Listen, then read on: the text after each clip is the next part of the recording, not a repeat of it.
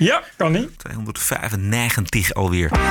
This is the TPO podcast. Herfstinstromen in ziekenhuizen. Het is kiezen of De delen. vraag is, richt je die op de grote groep als geheel... of richt je die met name op die groep die het grootste risico loopt zelf om in het ziekenhuis te geraken? En wat doen we met Staphorst? Er is eh, juridisch in dat opzicht van alles mogelijk. En wat doen UFO's bij militaire installaties? I see a, this glowing red object. All 10 missiles were disabled. Every single one of them. Aflevering 295. Ranting and Reason. Bert Brusson, Roderick Phalo. This is the award winning TPO podcast. Goedenavond Bert. En goedenavond, Roderick. Ik lees overal dat eh, op dit moment het erg onrustig is op, bij de vulkaan op La Palma. En daar hebben we ook geluid van, van, dat, van dat, dat het onrustig is. Dit is het geluid van de onrustige aarde waar Bert woont. En ik las zondag 70 aardbevingen op één dag. Ja, die eh, voel ik ook de hele tijd. Fuck. Die gaat steeds harder, lijkt het. En een nieuwe krater erbij, las ik ook. Ja, ja dat las ik ook. Wat merk je daarvan? Hey, ik niks. Echt helemaal niks. Alleen die aardbevingen, Ja. die zitten wel allemaal zo'n beetje onder mijn huis. Dus die merk ik wel allemaal. Eh alhoewel ik moet zeggen dat het ook... Want ik was, gisteren was er een, een hele zware. En ik was op bed. En als je op bed, dan voel je dat. Omdat het bed dan trilt. Maar mevrouw Brussel was in de tuin en die voelde hem niet. Dus het is ook een beetje afhankelijk van waar je bent. Maar ze zijn nu wel zo zwaar dat je.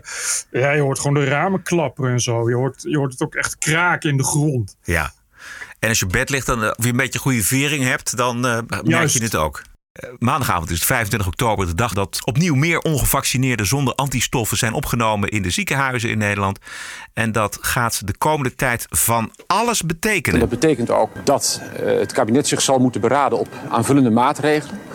Om die reden eh, heeft het kabinet het OMT gevraagd eerder te adviseren... opdat het kabinet ook eerder kan besluiten.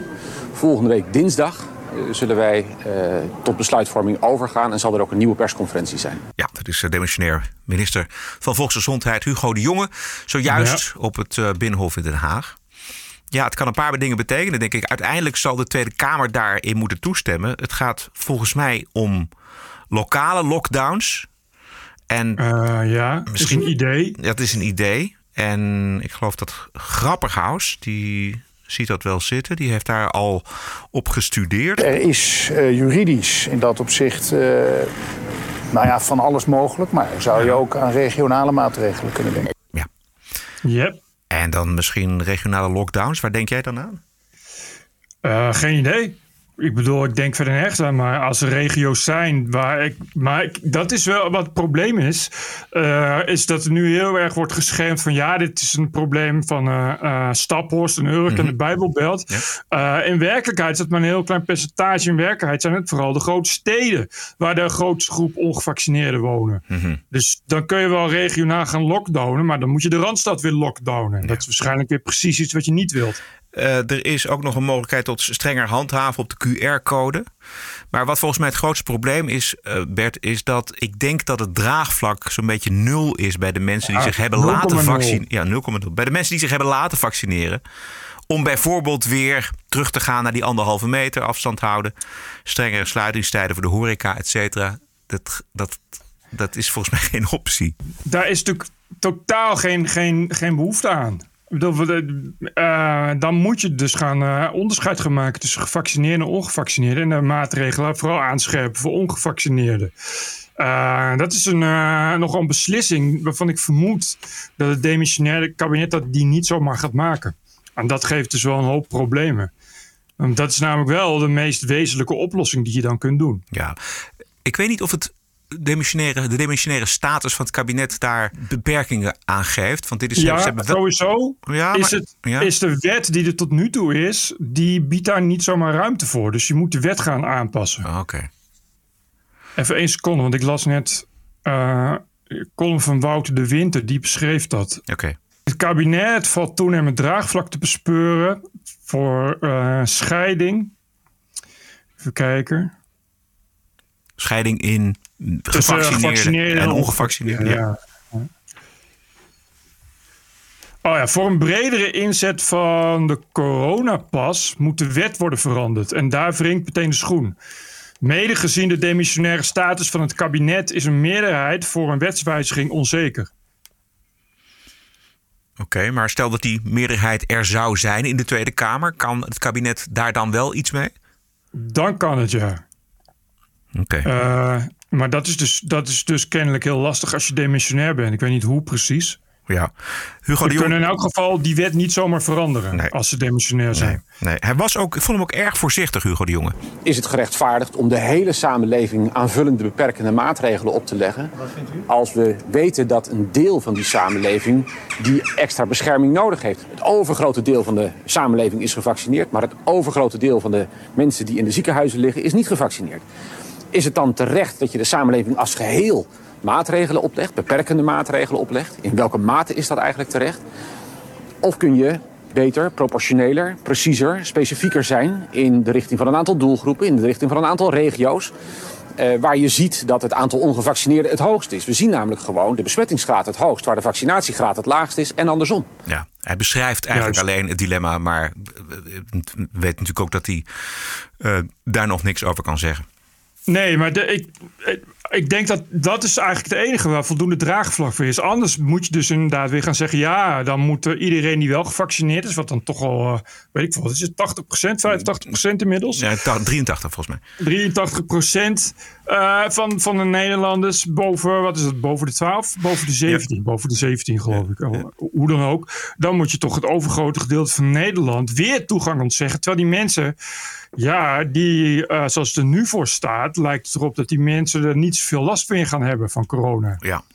Dus ja, ik denk niet dat die mensen heel blij zijn om dan nog meer problemen daarmee te krijgen. Veel hangt af natuurlijk van het OMT, wat het OMT zegt. Die voorspelt uh, hoe die herfstgolf verder verloopt en wat daar dan uh, tegen te doen is. Maar ja, de politiek zal uiteindelijk knopen moeten doorhangen. En regionale lockdowns. Ik bedoel, die corona ja, in Bergamo in, in Italië, die heeft, dat is ook een, een, plek wat heel lang is afgesloten geweest. Maar ja.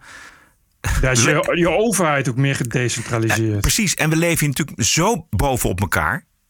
Juist. Hoe doe je dat? dat? is een beetje dingen, ja, een regio. Maar ja, ja. Weet je, als, je, als je zegt een regio Rotterdam en een regio Amsterdam, dan heb je meteen, uh, meteen 30% van Nederland alweer afgesloten. Dus ja. Weet je, ja. En hoe moet je dat, hoe, moet je dat gaan aanpakken? Uh, maar ja, dus, dus ik, uh, nou, als het aan mij zou liggen, zou ik inderdaad voor dat onders, onderscheid tussen gevaccineerden en ongevaccineerden gaan. Maar ook daar zit weer uh, een probleem dat je al heel snel hebt. Dat zie je nu uh, in het Verenigd Koninkrijk in Israël, dat op den duur die ziekenhuizen alsnog gaan volop, maar dan met gevaccineerden. En dat zijn in, over het algemeen uh, zieke en oude mensen, mensen die toch al zwak zijn, die worden dus dan toch weer alsnog ziek. Mhm. En, als je, en nu, het is nu wel heel makkelijk praten. Nu is het inderdaad, ja, dit is 83% van de, van de, van de IC-patiënten is ongevaccineerd. Dus daar kom je dan makkelijk mee weg. Maar dat gaat veranderen. In, in het Verenigd Koninkrijk lopen ze drie maanden, waren ze drie maanden eerder begonnen met vaccineren. En dan zie je dat, dat dat cijfer heel erg snel verandert. En dat er een steeds groter gedeelte ge, gewoon gevaccineerd is. Ja, maar dan, en dan kun je dat niet meer gebruiken. Tenzij je dan weer zegt, oké, okay, we gaan een, we moeten voor een derde prik. Wat ook natuurlijk al Precies, dan moet je met je booster weer komen. Ja. Of daar draagvlak voor is, weet ik niet. In elk geval niet bij de ongevaccineerden. Maar bij de gevaccineerden waarschijnlijk minder dan, dan het tot nu toe het geval nou, weet was. Ik niet, weet ik niet. Ik zou het zo doen hoor. Ja, ja, ik ook. Maar ik hoor wel toch meer geluiden van mensen die zeggen... ja, ja het, is, het is ook een, ook een psychologisch gevoel. Dat mensen zeggen, ja, dan moet ik weer een derde. En straks een vierde, vijfde, zesde. Ik zeg dan, ja, als het werkt, mijn best. Maar het is wel iets waar, waar mensen natuurlijk ja, uh, moeite mee blijven hebben. Ja, dat denk ik ook wel. En er zijn natuurlijk mensen die denken van nou, oké, okay, laat ik het dan maar krijgen. Hè? In, in een afgezwakte vorm. Hopen dat ik niet het moet worden opgenomen in het ziekenhuis. Dan heb ik ook weer een nieuwe Precies. boost met antistoffen. En uh, werkt dat misschien wel beter dan een derde prik. Precies, maar ik, uh, ja, ik, ik heb er een hard hoofd in dat, het, dat, het, dat er nog veel te halen valt qua maatregelen. Ja. Dat is, ja, wat moet, je, wat moet je doen? Je kan moeilijk weer een harde lockdown. Je kan moeilijk oh. weer uh, mensen in een huis uh, opsluiten. Of, of weer mondkapjes uh, gaan weer, eisen. Ja, dat, dat, dat, dat nee. ja, dat wordt, dat, het wordt wel... ik weet het niet. Ik denk dat iedereen er wel een beetje klaar mee is. Ja, maar ja...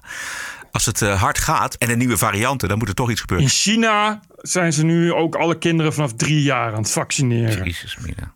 Zo kan het ook, mensen. Zo kan het ook. En als jullie u nu niet laten vaccineren, krijgen we dat straks in Nederland ook. Alhoewel het wel meevalt. Het is, eh, het is best wel rustig op de IC's.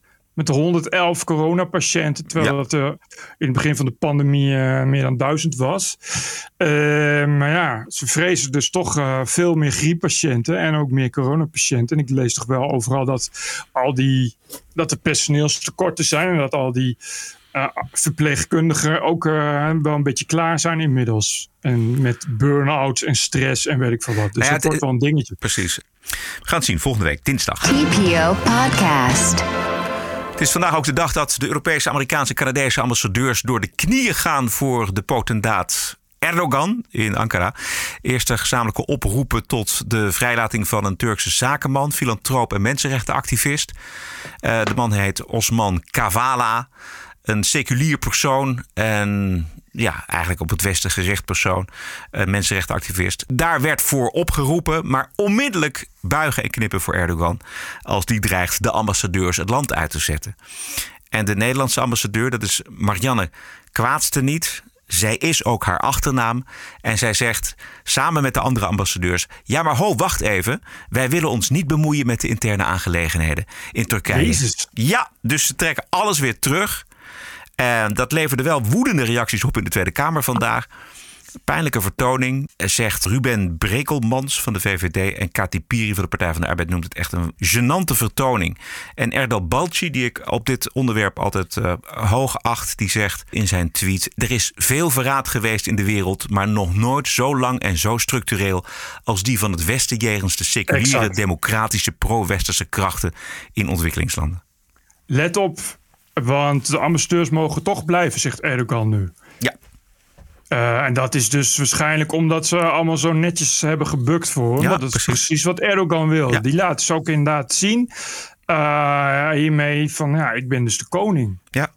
En de, Jullie en- hebben gebukt en ik kan jullie op jullie knieën krijgen wanneer ik dat wil. Ja, het is aan alle kanten verkeerd. Want als je, als je weet als ambassadeurs dat je hier niks mee bereikt, dan moet je natuurlijk zo'n actie helemaal niet beginnen.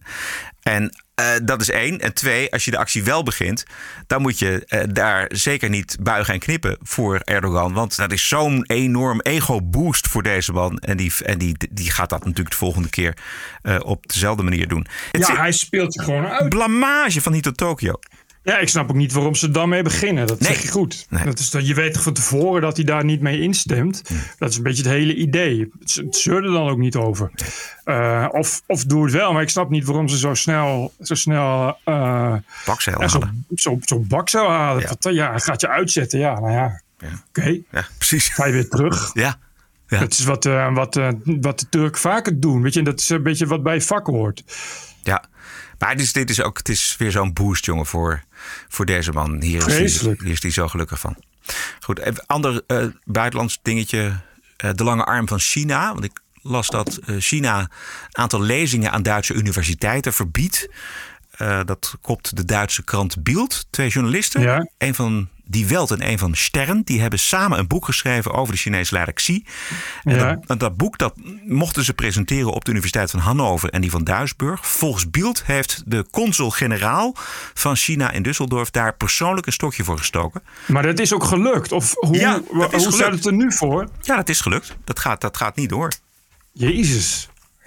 Dat is wel ernstig. Ja. Ja, het gaat steeds sneller met China. Ja. We gaan dit ook in de toekomst veel vaker horen. Omdat China al eh, jarenlang eh, ja, overal dus vuistdiep in, is ge- eh, in zit. Ja. Daar is ook al heel lang mee bezig. En dan krijg je dus inderdaad dit soort dingen. Ja. En dat is hetzelfde als bij Erdogan. Dan krijg je van ja, als we nee zeggen, dan gaat China allemaal dingen terugdraaien die we nu heel erg nodig hebben. Exact. Dus in, in dit geval zal het zijn, dan gaan we geen wetenschappelijke samenwerking meer. Dus ja, zeg dan maar bye bye met je eh, gain of function research in Wuhan, om maar eens wat te noemen. Ja, precies. Of Of je- met je vleermuizenrecepten. Ja. Dat is, eh, Ja, of ze zeggen van, eh, we, ja, we, gaan, we, gaan, we kopen geen Duitse auto's meer. Het is precies Juist. wat jij omschrijft. Het is je afhankelijk maken. Ze doen het ook heel erg in de derde wereldlanden. In Afrika doen ze het. Die, ik heb las Juist. vandaag ook een stuk over uh, torenhoge schulden aan China. Van ontwikkelingslanden. Nou, die landen moeten allemaal eh, op hun knieën om. eh, en die kunnen natuurlijk geen enkele kritiek leveren op mensenrechtenbeleid of wat dan ook, dus überhaupt op China. Xi heeft hier, hiermee direct, of indirect, is maar hoe je het bekijkt, eh, eh, een greep, greep op de vrije, vrije pers, althans. In elk geval op het, op het geven van een lezing, wat toch gewoon een onderdeel is van je vrijheid van meningsuiting. Dat boek is er natuurlijk wel. Maar wat je zegt, je kan er nu op rekenen dat eh, de volgende keer heel moeilijk wordt om dat boek uit te geven. In elk geval, als je dan, dan dat wil onder de uitgeverij van je, van, je, van je wetenschappelijk instituut bijvoorbeeld. De naïviteit over die Chinese ambities in Europa vind ik toch vrij stuitend. Ja, en, en ze zitten overal. Het zit ook in TikTok, wat toch een van de Ja. meest gebruikte apps, vooral voor kinderen ter wereld is. Ik las dat daar nu ook steeds meer Chinese propaganda uitvloeit. maar dat is natuurlijk dezelfde spionagepraktijken die Google en Facebook er ook al jaren op nahouden. Ja. Eh, alleen dan komt het in handen van de Chinese overheid. Eh, ik, maar eh, en, en, en dus inderdaad onder het mom van winst bukken die bedrijven. Want Google of Apple hebben ook laatst weer een een of andere eh, islamitische Koran-app uit de App Store gehaald. eh, om, vanwege een klacht van China. Omdat ze vinden dat ze geen, niet de islam mogen verspreiden. En dat soort lui doen dat. Dat is al heel lang gaande. Censuurverzoeken van de Chinese overheid aan Big Tech worden regelmatig gewoon ingewilligd. Terwijl het natuurlijk gewoon haak staat op de normen en waarden die dat soort Big Tech bedrijven normaal graag uitdragen. Ja, ja. Oké. We gaan Maar gelukkig hebben we, hebben we Biden Ja. eh, als commander-in-chief van de VS. Dus mocht er de shit eh, aan zijn, dan eh, kunnen we daar wel op rekenen. Hè? We hebben net een nieuwe transgender man, mevrouw gehad... die ad, vier sterren admiraal is Ja. van de Amerikaanse marine. Dus nou, dat is dan toch ook weer een pluspuntje. Daar zullen de Chinezen wel van gaan opkijken. Ja. Laten we het daar eventjes over hebben in de Wookweek, over die admiraal. I was offended and I have rights. TPO Podcast. You're an adult. Grow up. Deal with it. I don't care. care. Even bijpakken. Ja, Ja, oh ja, ja, ja. Eh, Twitter heeft een eh, Amerikaanse politicus geschorst omdat hij een transvrouw een man had genoemd. En die transvrouw, dat is de onderminister van Volksgezondheid Rachel Levine. Die ook nog een militaire rang heeft. En deze week gepromoveerd werd tot vier sterren admiraal. Dus blijkbaar allemaal te combineren, die functies. en de, Ja. de politicus die twitterde, een man wordt onze eerste vrouwelijke vier sterren officier. Ja. Ik vond het wel grappig. En ik vond het ook grappig. volgens Twitter valt dus misgendering onder haatzaaien. En is dat in strijd met de huisregels. En dus eh, heeft de politicus een eh, schorsing aan zijn broek. Wat absurd is.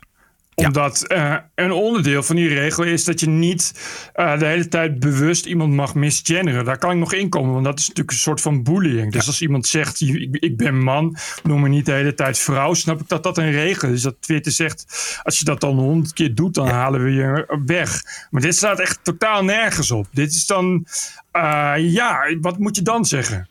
Het is toch, ja, als je dan zegt van, ah, als je dan zegt van hij is geboren als man, dan mag dat weer niet. Nou ja, kijk, Weet je, dan zegt het, waar, en waar bemoeit Twitter zich mee? ja, dat, eh, dat ook Met de natuurlijk. feiten. Precies. En, en eh, er is een groot verschil om dat één keer te zeggen of er inderdaad overgaan tot bullying.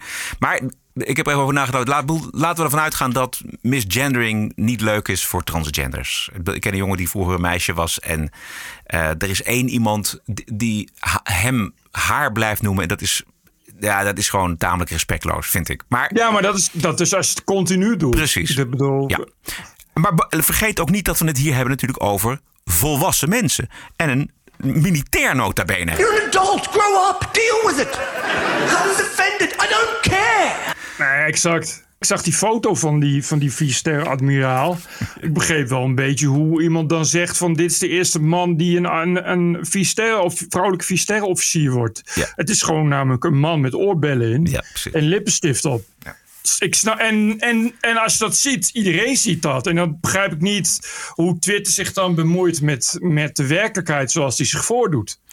Dan kunnen mensen zeggen, ja, ik, ik ben een vrouw. Oké, maar ja, dit, dit is iemand die zegt van, nou ja, dat valt nog, valt nog een heleboel over te zeggen. Ja. En hoe krachtig zou het zijn geweest, Bert, als deze transadmiraal gewoon zijn schouders had opgehaald met die sterren erop.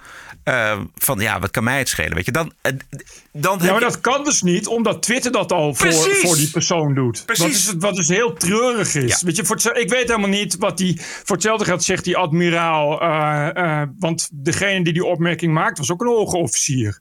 Dus voor hetzelfde geld zeggen van ja, ik ken hem nog uit de, uit, uit de Pentagon-tijd. En toen zat hij ook al in de kast. En uh, sinds die tijd zijn we elkaar de hele tijd aan Je weet dat gewoon niet. Maar Twitter, die, die gaat voor jou alvast.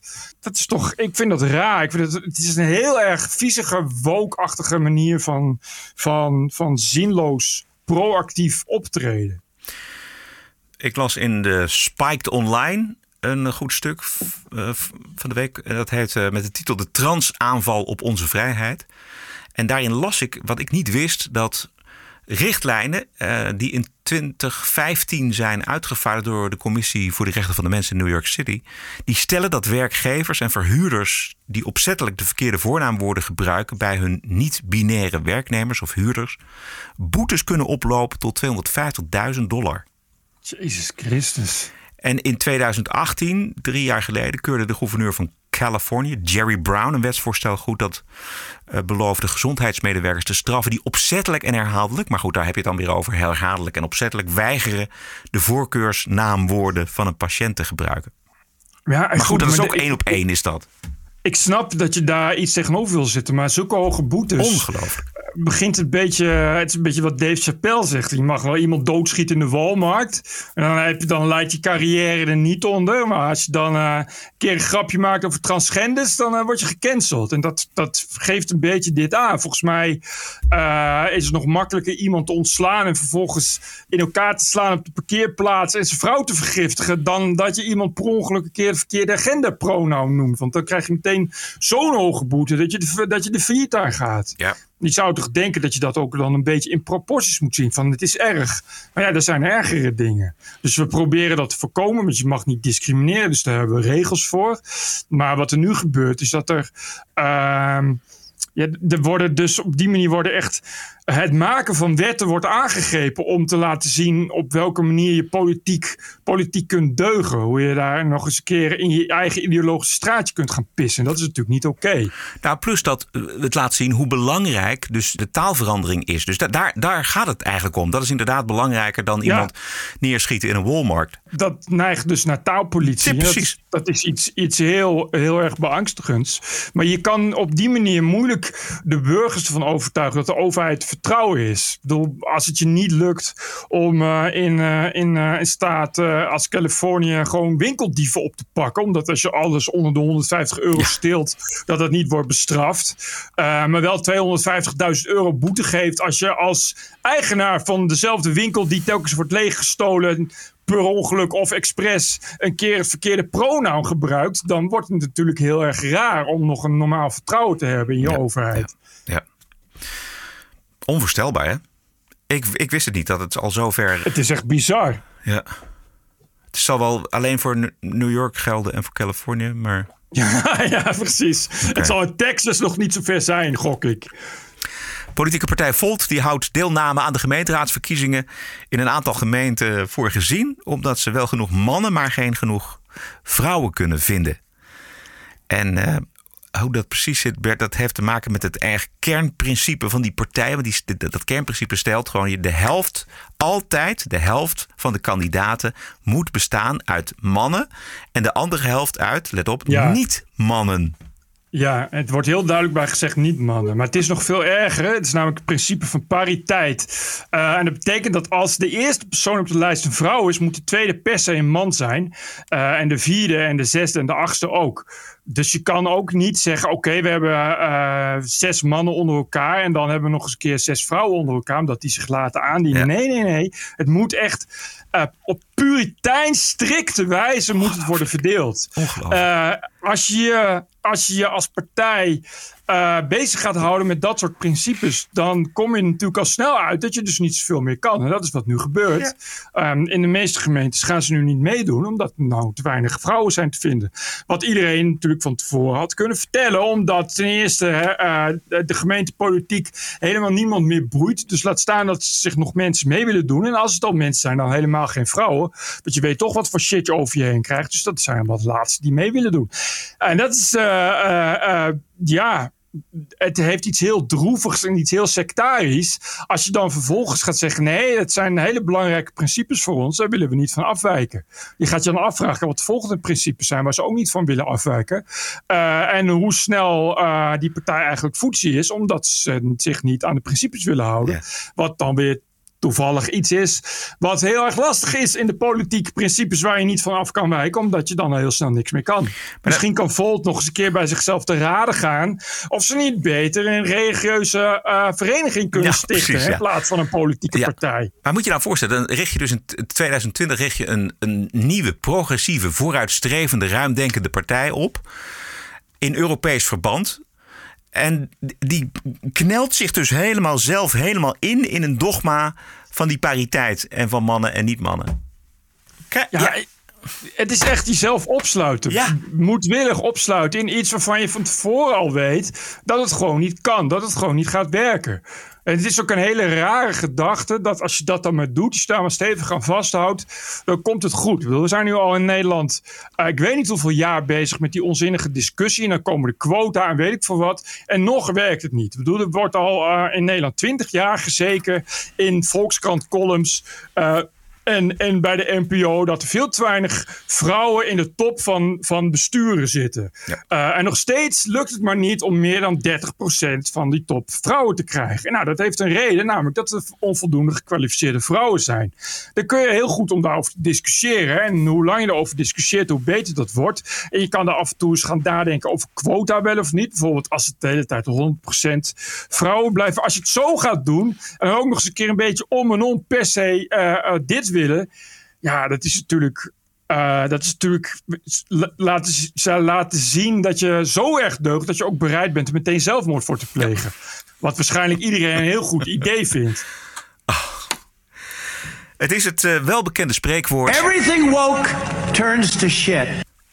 Nou, dit is inderdaad. Uh, het is dan inderdaad een beetje. Alec Baldwin die een uh, niet geladen vuurwapen op zichzelf uh, richt en de trekker overhaalt, geloof ik. Waar we nog steeds over dat hebben we gesproken, even een, even een zijweggetje dan. Maar uh, wat mij nog steeds niet duidelijk is, is of Alec Baldwin gericht geschoten heeft. Of dat het toch. Ja, maar dat moest. Oh. Uh, hij, schoot op die, hij moest, uh, die, die uh, camera-assistent die zei: Kun je op mijn richten en schieten? Huh?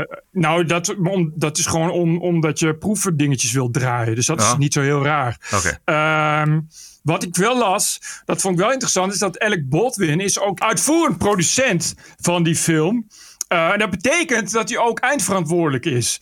Dus de kans is groot dat Alec Baldwin voor de rechter moet komen. En de kans bestaat ook heel erg dat hij daarvoor wordt veroordeeld. Ja, ja. Omdat hij dus verantwoordelijk is voor dat er geen ongelukken gebeuren. Zeker met wapens, wat ja. natuurlijk voor de hand ligt. Dat je daar, een uit, daar hebben ze een uitgebreid protocol voor. Op de een of andere manier is dat allemaal misgegaan. En het kan zelfs zo zijn las ik al deskundigen die zeggen: ja, Alec Baldwin als geen ander, al helemaal als je ook nog eens een keer de uitvoerend producent bent, uh, weet dat is, dat is regel 1 voor iedereen die ooit een wapen heeft aangeraakt. Dat je niet zomaar je wapen op iemand moet gaan richten zonder dat je ook zeker weet dat hij niet geladen is. Precies. Dat, dat doe je gewoon niet. Nee. En dat kon dus wel eens zijn dat hij, dat hij daarin ook liable is. Maar ja, de vraag blijft natuurlijk: uh, hoezo was het ding geladen. Want het behoren ook überhaupt geen kogels op de set te nee, zijn. Weet je, nee. het zijn alleen maar losse vlodders of whatever. Ja. Uh, dus dat is nog iets waar je ook nog... Misschien is het wel echt uh, iemand die het bewust gedaan heeft. Door met de Walkweek in Las Vegas is de MGM Hotelgroep. Die heeft elf schilderijen en ander werk van Picasso verkocht. Om plaats Oh, te ja. maken voor kunst gemaakt door vrouwen, mensen van kleur, LHBTQ, kunstenaars en kunstenaars met een handicap. Die zullen wel net zoveel gaan opleveren als Picasso. Nou, je kunt er wel heel veel schilderijen volgens mij van kopen. Van, kopen, van het Ja, dat is, uh, en dat is inderdaad ook een voordeel. En het, het, Jezus, dat ja, je ook echt ongelooflijk, jongen. Wat ben je dan terug? ziekelijk statement, hè? Ongelooflijk ziek. Ook nog twee dagen voor de 140ste verjaardag van Picasso. Die zijn die, die schilderijen van Picasso ook helemaal niet waard. Als je dit, zo'n zo'n actie gaat ondernemen. Maar goed. Ik snap echt niet dat je Picasso gaat in, dat je überhaupt schilderij van Picasso hebt.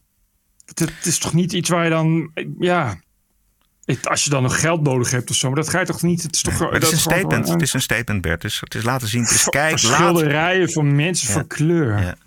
Ja, als je die kunt inruilen eh, tegen een eh, schilderij van een eh, blanke, dan wel Spaanse macho als Picasso.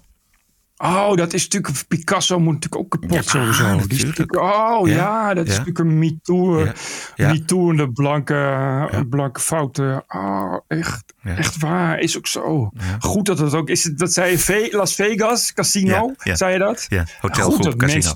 Meestal het soort mensen wat daar komt, staat altijd heel erg betrokken bij. Goed dat ze dat doen. Ja. Ik heb een biografie van Picasso gelezen en het- hij zei dan altijd, waar veel mannen mee te maken hebben, dat eh, zeg maar, vrouwen ontevreden zijn. En dan was zijn manier om vrouwen dan weer tevreden te stellen, om ze weer zwanger te maken. Want dan waren ze weer bezig met een kind. Ja, Zo kreeg, zo kreeg hij zijn vrouwen stil. Ik weet niet of ik dat kan wel- zeggen, maar ik zeg het toch maar. Want het, het, het staat in de er biografie. zit er wel van- wat in. Ik had ook nog wat. Oké, leuk. Eh, we hadden net over China. Maar eh, ik hoop dat eh, China goed luistert. Want pak aan, het Nederlands ministerie van Defensie gaat medewerkers verplichten om cursussen diversiteit en inclusiviteit te volgen. Vanaf volgend jaar worden de cursussen onderdeel van de militaire opleidingen. Dus eh Chinezen, denk goed na. Als jullie straks met z'n 1 miljard in een schuttersputje liggen, dan kan het wel eens zijn dat er een Nederlandse soldaat, die heeft dan geen munitie, maar die kan je wel alles vertellen over eh, dat Ja. je als Chinese soldaat ook onbewust voordelen hebt hoor. Oh. Er moet een defensiebrede cultuurverandering eh, worden ingezet. En wie zegt dat? Dat dat moet? Eh, onze demissionaire minister Henk Kamp van Defensie. Oké. In antwoord op Kamervragen van verschillende partijen. In 2022, schrijft Henk Kamp, wordt diversiteit en inclusiviteit ingebed in alle initiële opleidingen. Een jaar later wordt het onderwerp opgenomen in opleidingen voor leidinggevenden. En in vier- 2024 moet diversiteit en inclusiviteit een vast onderdeel worden van alle opleidingen binnen Defensie. Oh, en het ministerie buigt zich nog over de invoer van een streefcijfer voor vrouwen.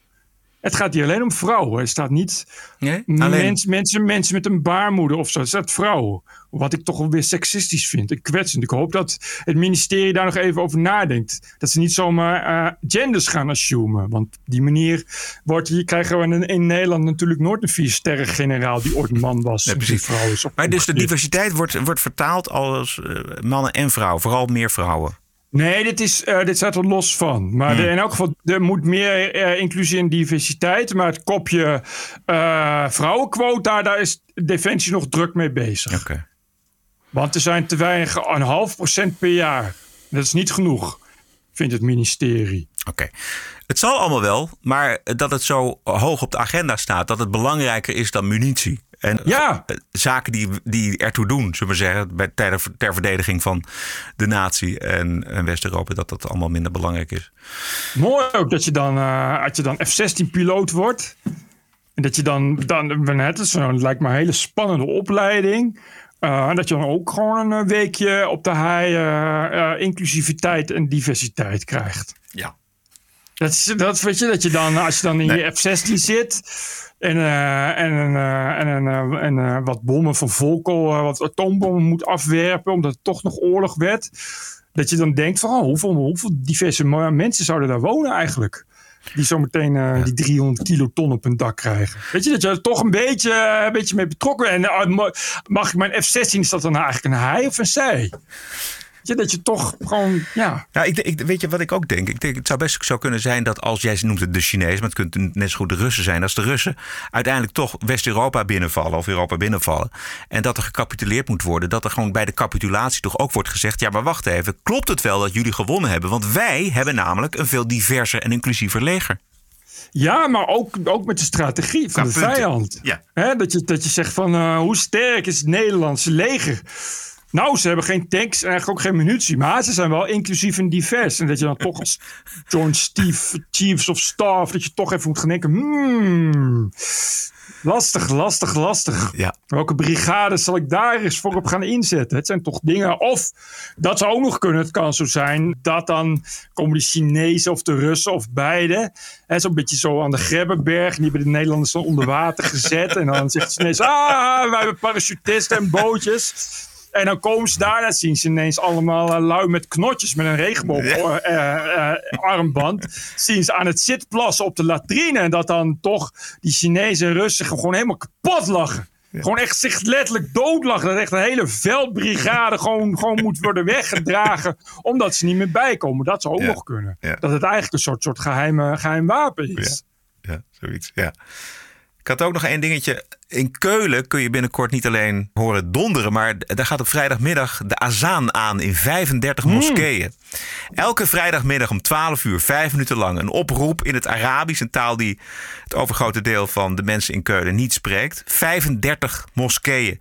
Dat is heel Keulen volgens mij. Het is Ja? verschrikkelijk, maar volgens de burgemeester laat het besluit zien dat Keulen diversiteit echt belangrijk vindt. Ja, en de burgemeester van Keulen is een vrouw. Ja. Wat eh, op zich al ironisch genoeg is. Een vrouw Ja. die een islamitische azaan goedkeurt. Ja. Ze zal wel niet helemaal weten wat er wordt gezegd in de azaan. Eh, dit eh, is hoe islamisering werkt. Daar hebben we al genoeg voor gewaarschuwd. En ook in Duitsland zijn ze al uitgebreid voor gewaarschuwd. Maar ja, mag niet hè. Is kwetsend. Islamofobie en discriminatie, zeker in Duitsland, ligt heel gevoelig. Dus nu begint het. Met één keer op vrijdag. Daarna is het twee keer op vrijdag. En drie keer per dag op vrijdag. En moet het ook om vijf uur 's ochtends op vrijdag. En als het in Keulen is, dan zeggen de andere steden: hey, als wij eh, ook dat niet mogen, dan eh, is er iets mis met de grondwet. Want wij hebben vrijheid van godsdienst, zoals ze zich in Keulen aan de vrijheid van godsdienst mogen houden. Dus moeten er ook in andere steden. En ik kan je nu al vertellen dat binnen nu en een paar jaar er in heel veel Duitse steden, heel vaak per dag, in elk geval op vrijdag en ook op andere dagen, de azaan gaat klinken. En waar doet dat nou aan denken? Hè? Steden waarvan zelfs een meerderheid ook nog eens een keer, nou ja, laten we zeggen van Arabische afkomst is, waar je dan ook nog meerdere malen per dag een azaan hoort klikken. Het doet verdomme denken aan, laten we zeggen, het Midden-Oosten. Of nu Ja. ook Turkije. Ja. Het- het- ik moet altijd denken bij dit soort zaken aan de uitspraak van Christopher Hitchens. eh, die zei: Het zijn nooit de barbaren zelf die een stad veroveren. Het zijn altijd mensen die de deur openzetten voor de barbaren. En dat Juist. zien we dus nu in, in Keulen. Zien we dat het geval met deze vrouwelijke burgemeester. En dat, eh, zo gaat het altijd. Bij, bij islamisering eh, en bij, bij dit soort, deze onderdelen van het praktiserende islam, die vrijwel uitsluitend worden aangestuurd door Wahhabisten uit, het- uit, uit Saudi-Arabië en overige golfstaten, eh, gaat het, werkt het maar met één ding. En dat is namelijk als je ze een vinger geeft, trekken ze je hele hand weg. Precies. Dat is namelijk ook de strategie. Dus als je ze gaat toestaan dat ze een azaan mogen laten klinken, is het einde zoek. En dat is een heel groot probleem, want dat hebben we in Amsterdam hebben we dat precies zo gezien. Ja. Bij, bij, bij de Westermoskee, waar eh El Fokani ook zijn azaan wilde laten jengelen. Ja, daar zijn er mensen tegen. En dan wordt gezegd, ja, hé, een grondwet dan. Vrijheid van godsdienst. En toen zei Femke Halsema, ja, je kunt wel als gemeenteraad voorstellen indienen om daar tegen te gaan. Maar ik kan je nu al vertellen dat Ja. dat niet gaat werken. Dat Omdat het dus vrijheid van godsdienst is. En als je nu wilt gaan verbieden dat een azaan gaat klinken, dan kom je straks al heel snel in de knop. Want dan moet de Westertoren mag ook geen klokken meer laten klinken. Eh, en dat is in, in, in Duitsland zal dat niet anders zijn. Het lijkt mij dat dat niet helemaal eh, klopt. Ik bedoel, eh, een Geen idee, dat is Ja, de vraag. Dat is de vraag. Daar zou eens eigenlijk eh, onderzoek naar gedaan moeten worden. Want een azaan, die- het is niet zo dat eh, moslims hun eh, geloof niet kunnen beleiden hier. Helemaal niet. Exact. Hè? Ik weet nog dat in eh, Zwitserland bijvoorbeeld, daar werd toen schande van gesproken, daar is, werd op een gegeven moment een referendum gehouden, zijn minaretten toegestaan op de moskees. ja, klopt. En toen Ja. hebben ze op een gegeven moment daar eh, in een referendum eh, nee besloten, want dat ze dat eigenlijk niet mooi Precies. vinden in het landschap, omdat je daar natuurlijk als je daar, ja, daar kun je gewoon eindeloos kilometers ver kun je daar via in die bergen over die landschappen uitkijken. Dus zij zei van ja, nee, wij vinden die minaretten vinden we geen, dat hoort niet bij het Zwitserse landschap. En zo zou je moeten zeggen dat klokken wel horen bij Exact. de omgeving van een kerk. En dus niet in het Arabisch teksten. Exact. Dat wordt dus de kwestie. Ja. En, maar er is geen antwoord op, op hoe, hoe dat zal uitpakken. Uh, je, ik bedoel, hetzelfde zien we nu met islamitisch onderwijs. Het is een enorm probleem omdat al die scholen, die, die, ja, dat zijn natuurlijk scholen waar de normen en waarden haak staan uh, op de westerse normen en waarden. Alleen, en, en gemeenteraden willen die scholen weren, maar die minister die kan dat dus niet verbieden. Die zegt dan, jullie moeten het toestaan. Want ja, dit is vrijheid van onderwijs. Ja. Uh, en dan uh, kom je aan het punt van ja, is er een manier om dat wel te verbieden? En als je gaat zeggen ja, dan uh, zeggen, zeggen die moslims zeggen dan oké, okay, maar dan gaan we kijken of er een manier is om te verbieden. dus inderdaad, jullie klokgeluiden in jullie scholen dan. En, dat, en ik weet niet, ik ben geen, geen grondwet-expert van rechtsstaat-expert, maar dat kon nog wel eens heel lastig zijn. Het lijkt me verschrikkelijk. Zeker ja, in een stad als Keulen, die ja. toch al, het is toch al, toch al zo'n zo'n roergebiedstad. Waar uh, was het niet Keulen waar we destijds de problemen met de oud en nieuwviering hadden? Met ja. allochtone jongeren. Zeker, weet je, het zeker. Is, station, station van Keulen, zo, droevige, droevige ja. allochtone stad. Waar, ja. waar, waar, waar, volgens mij de meerderheid al allochtoon is. Uh, en dan moet je dus, dus inderdaad... Uh, waar je dan ook bent, hoor je elke vrijdag hoor, hoor je, heb je het echt het idee dat je gewoon inderdaad ja, in zo'n, in zo'n ja, het is echt, echt bijroutisering ja. bijna hè, van, van, van je stad. Dat gaat dus ook gebeuren. Het is natuurlijk echt iets waar, waar, wat niet, waar anderen weer niet stil bij gaan zitten, wat niet onbesproken blijft. Uh, dat, dat, de, als je de polarisering wil vergroten, dan moet je vooral dat doen. Ja. Als je wil, maar ik ja, denk dat de het, AFD in Keulen snel aan zetels gaat winnen. Zo. Ja, ja. Maar het, het, is openbare ruimte. Hè? Het is, het is je, het, er zijn ook reportages van mensen in steden in Nederland die dan uh, tegenover een huis een moskee hebben die opeens uh, aan, aan de azaan is gegaan. En die kunnen een huis niet meer kwijt. En die hebben daar een probleem. Ja, die kunnen een huis niet meer verkopen. Dus die hebben daar een groot probleem mee. En die, zitten, die, willen, die willen dat sowieso niet iedere vrijdag meer horen. Zo'n Arabische tekst in, het, in de openbare ruimte, al is het maar uh, op vrijdag. Ik, het is al zo erg. Ja. Ik, bedoel, ik ben bij die, bij die Westen Moskee in Amsterdam. Dat ik met iemand ging eten daar vlakbij.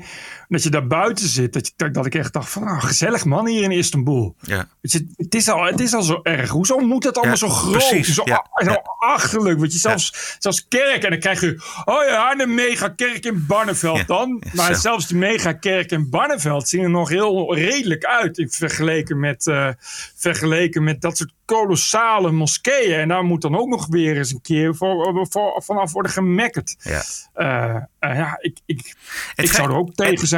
Ja, het gekke is, in Istanbul ben ik geweest. Nou, is het helemaal geen probleem. Weet je, als je daar bent, ja, de slans wij, slans eer. In, eh, in Bos, Ah ja, in, in, precies. in Mostar heb ik het meegemaakt. Nou, dat eh, is het allemaal prima. Dat is de couleur lokaal. Maar Arabische teksten uit een minaret in Amsterdam of Keulen, dat klopt gewoon niet.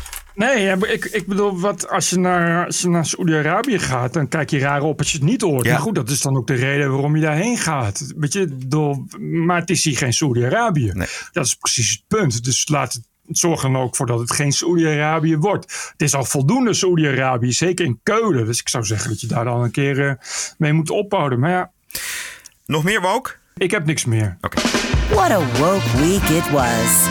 This is the TPO podcast. En dat is het. Jazeker. De TPO-podcast krijg je twee keer per week aangeboden. Maar zonder subsidie. En zonder reclame. Ranting and Reason. Maar zonder donaties gaat het niet lukken. Bert, hebben we wat eh, binnengekregen? Ik heb er in elk geval vier. Dirk Pothoff. Heren, het is me een tweewekelijks waar genoegen met een grote glimlach tijdens een rondje rennen. Jullie passen prima in het rijtje van mooie nationale en internationale podcasts. Het schaamrood werd zo langzamerhand zichtbaar bij het aanprijzen van jullie TPO podcast bij vrienden en vriendinnen. Zonder zelf gedoneerd te hebben, dus ik heb 100 euro overgemaakt. Ik zou dan ook iedereen aanraden te doneren en vooral ook de podcast veelvuldig te verspreiden. Daar zouden jullie zelf ook nog wel een stap in kunnen maken. Meer reuring, meer bekendheid, meer aanprijzen. Jullie geluid is te belangrijk en zou een groot publiek moeten bereiken. Uitroepteken. Succes, Dirk Pothoff. Ga er eens over nadenken, Dirk. Ja. Ja. Dankjewel. Eh, even kijken. Frits. Frits. Goedemiddag, heren Brussen en Velo. Allereerst wederom mijn complimenten voor jullie luisterwaardige podcast van de afgelopen tijd. Weer. Heerlijk dat jullie meningen soms zo lekker schuren met de mijne. Het houdt mij zeer scherp. Ben het dus vaak niet met jullie eens, maar nog vaker toch maar weer wel.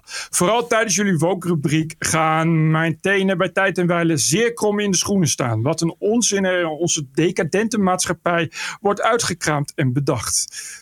Keep up the good work. Zo, nu ga ik eerst weer even een fooi overmaken naar jullie podcast. Groeten, Frits. Dankjewel, Frits. Beste heren, Teun hier. De ene die door die intrigerende stem van Bert meerdere malen in één ademteug samen met Sven genoemd werd. Nadat mijn goede vriend Bram Spiering zich genoodzaakt voelde dit te benoemen in zijn mail.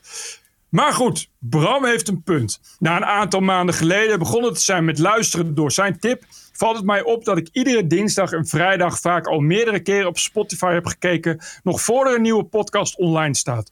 Hoe laat uploaden jullie dat eigenlijk? Ja, uh, als die binnen is, maar dan uh, uploaden we dat op Soundcloud. En voordat het op Spotify verschijnt, weten we niet, want het is Spotify die dat betaalt. Meestal gaat het vrij snel daarna, maar het kan ook heel lang duren. Anyway, jullie stem is er een die door mij graag gehoord wordt en een belangrijk geluid brengt in deze tijd waarin iedereen vooral in zijn eigen online bubbel leeft. Al vraag ik me ook af of jullie dan mijn bubbel zijn en wappies hetzelfde naar mij kijken als ik naar hen. En vind voor mij is de aarde nog rond. Ga zo door hier bij mijn eerste donatie. En tot de volgende groet. Teun. PS. Hopelijk heeft Sven hetzelfde gedaan. ja, Sven. Sven, kom eens door. Ja, precies. Oh, dit was dit uh, clubje van drie volgens mij. Ja. Hartelijk dank, Teun. Goede voorbeeld gegeven. Ruud Berkes. Mijn eerste donatie van 35 euro. Nadat ik een paar maandjes geleden begonnen ben met luisteren. Vanuit Brazilië wel te verstaan. Kijk ik ben het niet al, altijd met jullie eens, maar ik hou wel van de no-nonsense blik op het nieuws en anti-woke. Ooit word je snel meegesleurd in het nieuws van tegenwoordig. Jullie bieden dan ook voor mij een verfrissend tegengeluid. De balans kan iedereen zelf opmaken. Ga zo door en wanneer ik blijf luisteren komt er wederom 35 euro aan. Groeten vanuit Brazilië, Ruud Berkers. Dankjewel, Ruud. Even kijken, want dit was een gecombineerde. Uh, bla bla bla. Nee, dit is uh, verder niks. Oké. Dit waren ze. Goed zo.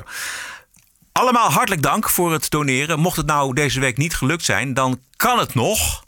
Deze week wel degelijk. Want uh, vrijdag aanstaande is het 29 oktober en zijn Bert en ik allebei jarig. En je kan ons geen groter plezier doen dan een verjaardagsdonatie te doneren via tpopodcast.nl. De TPO-podcast zit niet achter een betaalmuur. Hij is vrij verkrijgbaar, twee keer per week. Maar hij wordt niet kosteloos gemaakt. Er gaat tijd, liefde en noeste arbeid in. Dat geeft de podcast waarde. Hoeveel waarde? Dat bepaal jij. Een biertje in de kroeg kost je zeker 3 euro. Een tosti daar 5 euro. Een maandje Netflix is al 14 euro. Wat is de TPO-podcast je waard? Ga naar tpopodcast.nl en doneer. Keep the show running. Want wat geen waarde heeft, is geen blijvertje. Dus ga naar tpopodcast.nl en doneer. En bij voorbaat hartelijk dank. TPO Podcast. Ladies and gentlemen, the President-elect of the United States. This is CNN breaking news. We have never, ever, ever, ever failed in America. It's an incredible way of putting it. Telling the truth matters. It's an incredible way of putting it. This is a Russian intelligence disinformation campaign. Why isn't Joe Biden angrier about all of this? How stupid can you be? This is a classic example of the right wing media machine. It just lacks credibility. Go ahead. Ik kwam een uh, opmerkelijk interview met uh, de Britse tabloid The Sun tegen... met een voormalige kapitein van het Amerikaanse leger, Robert Salas... die op 24 maart 1967 te maken kreeg met een ufo... die zijn nucleaire lanceerinstallatie uitzette. En je mag best twijfels hebben over de Sun. Maar die kapitein die vertelt zijn verhaal zeer geloofwaardig. En de gebeurtenissen worden bovendien bevestigd door meerdere onafhankelijke bronnen. Uh, dit is de kapitein in een documentaire van Science Channel. March 24, 1967, I and my commander Fred Mywall were on duty in Roy, Montana. The men are stationed in the missile launch bunker, 60 feet below ground. We had control of 10 nuclear missiles. On the other end of the phone is a terrified guard. He's screaming into the phone. He's yelling, Sir, I'm looking out the front gate. I see a, this glowing red object. The unthinkable happens. All 10 missiles were disabled, every single one of them. The weapons are out of action for nearly 24 hours. Nou, dit speelde dus in 1967. Nieuw is dat de dienstdoende kapitein nu zijn verhaal vertelt met details die nog niet bekend waren. Bijvoorbeeld dat er een week eerder exact hetzelfde gebeurd was. En de meeste van deze verhalen zijn allemaal uh, ontmoetingen met militaire faciliteiten. Ja, er zijn er heel veel. Ja, Bertje, jij, jij bent er een beetje expert op. Ik heb meer boekjes over UFO's gelezen. Precies. Uh, laatst, ik ben even zijn naam kwijt, ook een Australische journalist die ook goede bronnen had. Uh, maar dit is, uh, dit zijn er heel veel, ook in, ook in Duitsland, ook in Groot-Brittannië is dit gebeurd. het gaat telkens over luchtmachtbasis, meestal dus inderdaad waar nucleaire wapens ofwel liggen opgeslagen, ofwel in dit geval raketsilo's.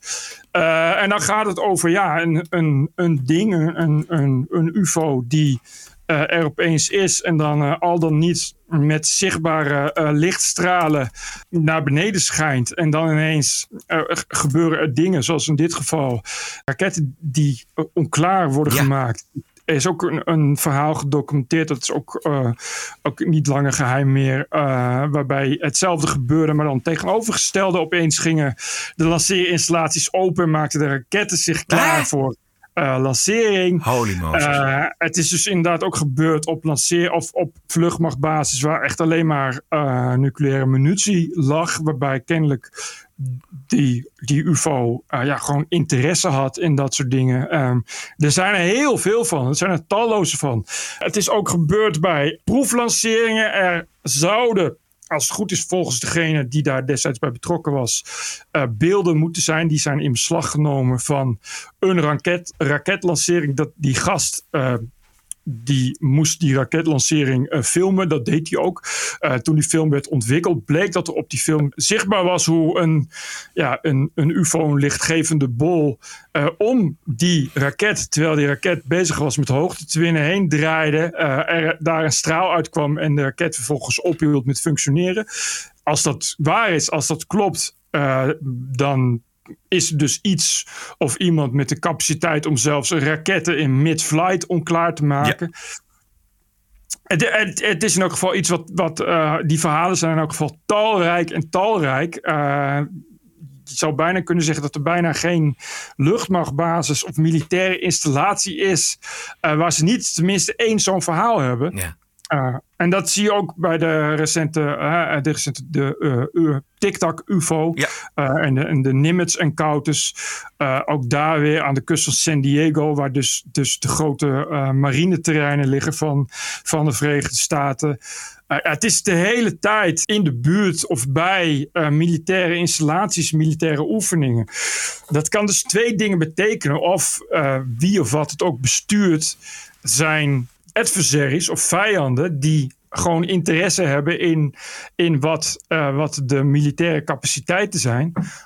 Of het zijn inderdaad wezens van een andere planeet of een andere dimensie die kennelijk ook interesse hebben in, uh, militaire capaciteiten. Maar ik vind het eerste toch iets meer voor de hand liggende. Ik bedoel, als je een een supersonische drone of, of nou ja, een, iets wat, wat met, met, met magische technologie in elkaar zit, zou kunnen ontwikkelen, dan is, zijn, zijn dit soort dingen, lijkt mij, de eerste dingen die je doet namelijk kijken of je inderdaad de, de uh, wapens van je tegenstander onklaar kan maken. Maar dan heb je het over landen als uh, China en Rusland ja, misschien? geen idee. Nee, ja, daar, misschien, uh, misschien de Verenigde Staten zelf wel. Weet jij veel, maar ja, nee, ik ja, weet ja, het natuurlijk. niet. Ja, ja, ja. Want, dit, dit speelt tijdens in 1967. Nou, toen was China natuurlijk nog lang niet zo ver.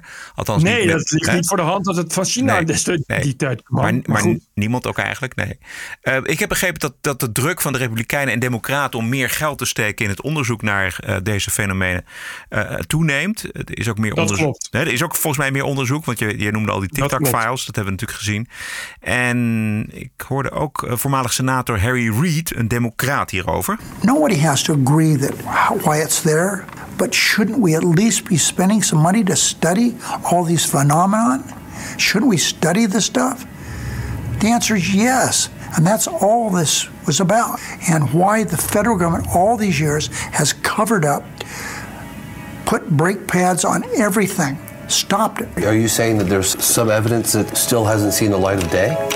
I'm saying most of it hasn't seen the light of day. Harry Reid, hij is al eh, heel oud inmiddels. Ja, 91. Ja. 91, maar uh, Still Alive and Kicking, is een van de grote aanjagers achter de, uh, dus de recente rapporten bijvoorbeeld, die, die zijn vrijgegeven door het Pentagon. En hij zit al zijn hele leven, eigenlijk zijn hele politieke actieve carrière, zit hij ook al in de inlichtingencommissies uh, en dergelijke. Hij is ook al meerdere malen op Area 51 geweest bijvoorbeeld, als een, een van de weinigen die daar ook echt heeft mogen kijken. En Area 51 is, is de, de top, top, top, top, top secret plek dat is uh, de, de top secret uh, luchtmachtbasis waar ze, waarvan in elk geval uh, zeker is dat daar de nieuwe technologieën worden ontwikkeld. Dus de nieuwe vliegtuigen. en waarvan de UFO-fanaten zeggen dat nou ja, als er technologie is die de VS in handen heeft, dan worden daar getest en ontwikkeld. Het is in elk geval het meest geheime onderdeel van de hele Verenigde Staten. hij is daar wel geweest, dus hij weet ook echt heel veel. En hij heeft ook wel de laatste tijd toch ook wel laten weten van in elk geval kan ik je met zekerheid vertellen dat er uh, heel veel is wat niet wordt vrijgegeven. Ja. Ja. En als hij het zegt, dan is dat ja. waarschijnlijk wel heel erg waar. Fascinerend blijft het. Ja, ik ben benieuwd. Hebben we nog dingen niet behandeld? Nee, dit was het wel, geloof ik. Hè? Ja. U vindt ons onder meer op Spotify, Apple Podcast, iTunes en natuurlijk tpopodcast.nl. En uh, wij danken iedereen hartelijk voor de ondersteuning van deze aflevering 295. Wij zijn dus terug op vrijdag 29 oktober, onze verjaardag. En uh, doneren en waarderen. Cadeaus kunnen naar tpopodcast.nl. Ik zou zeggen, stay cool. En tot onze verjaardag. TPO Podcast. Bert Bruson, Roderick Balo, Ranting and Reason. Right on, Kaylee, right on. Podcasting is the TPO podcast in the Netherlands. Bert and Roderick. What a show. I'm telling you. Keep the show running. Go to tpo.nl slash podcast. Thank you.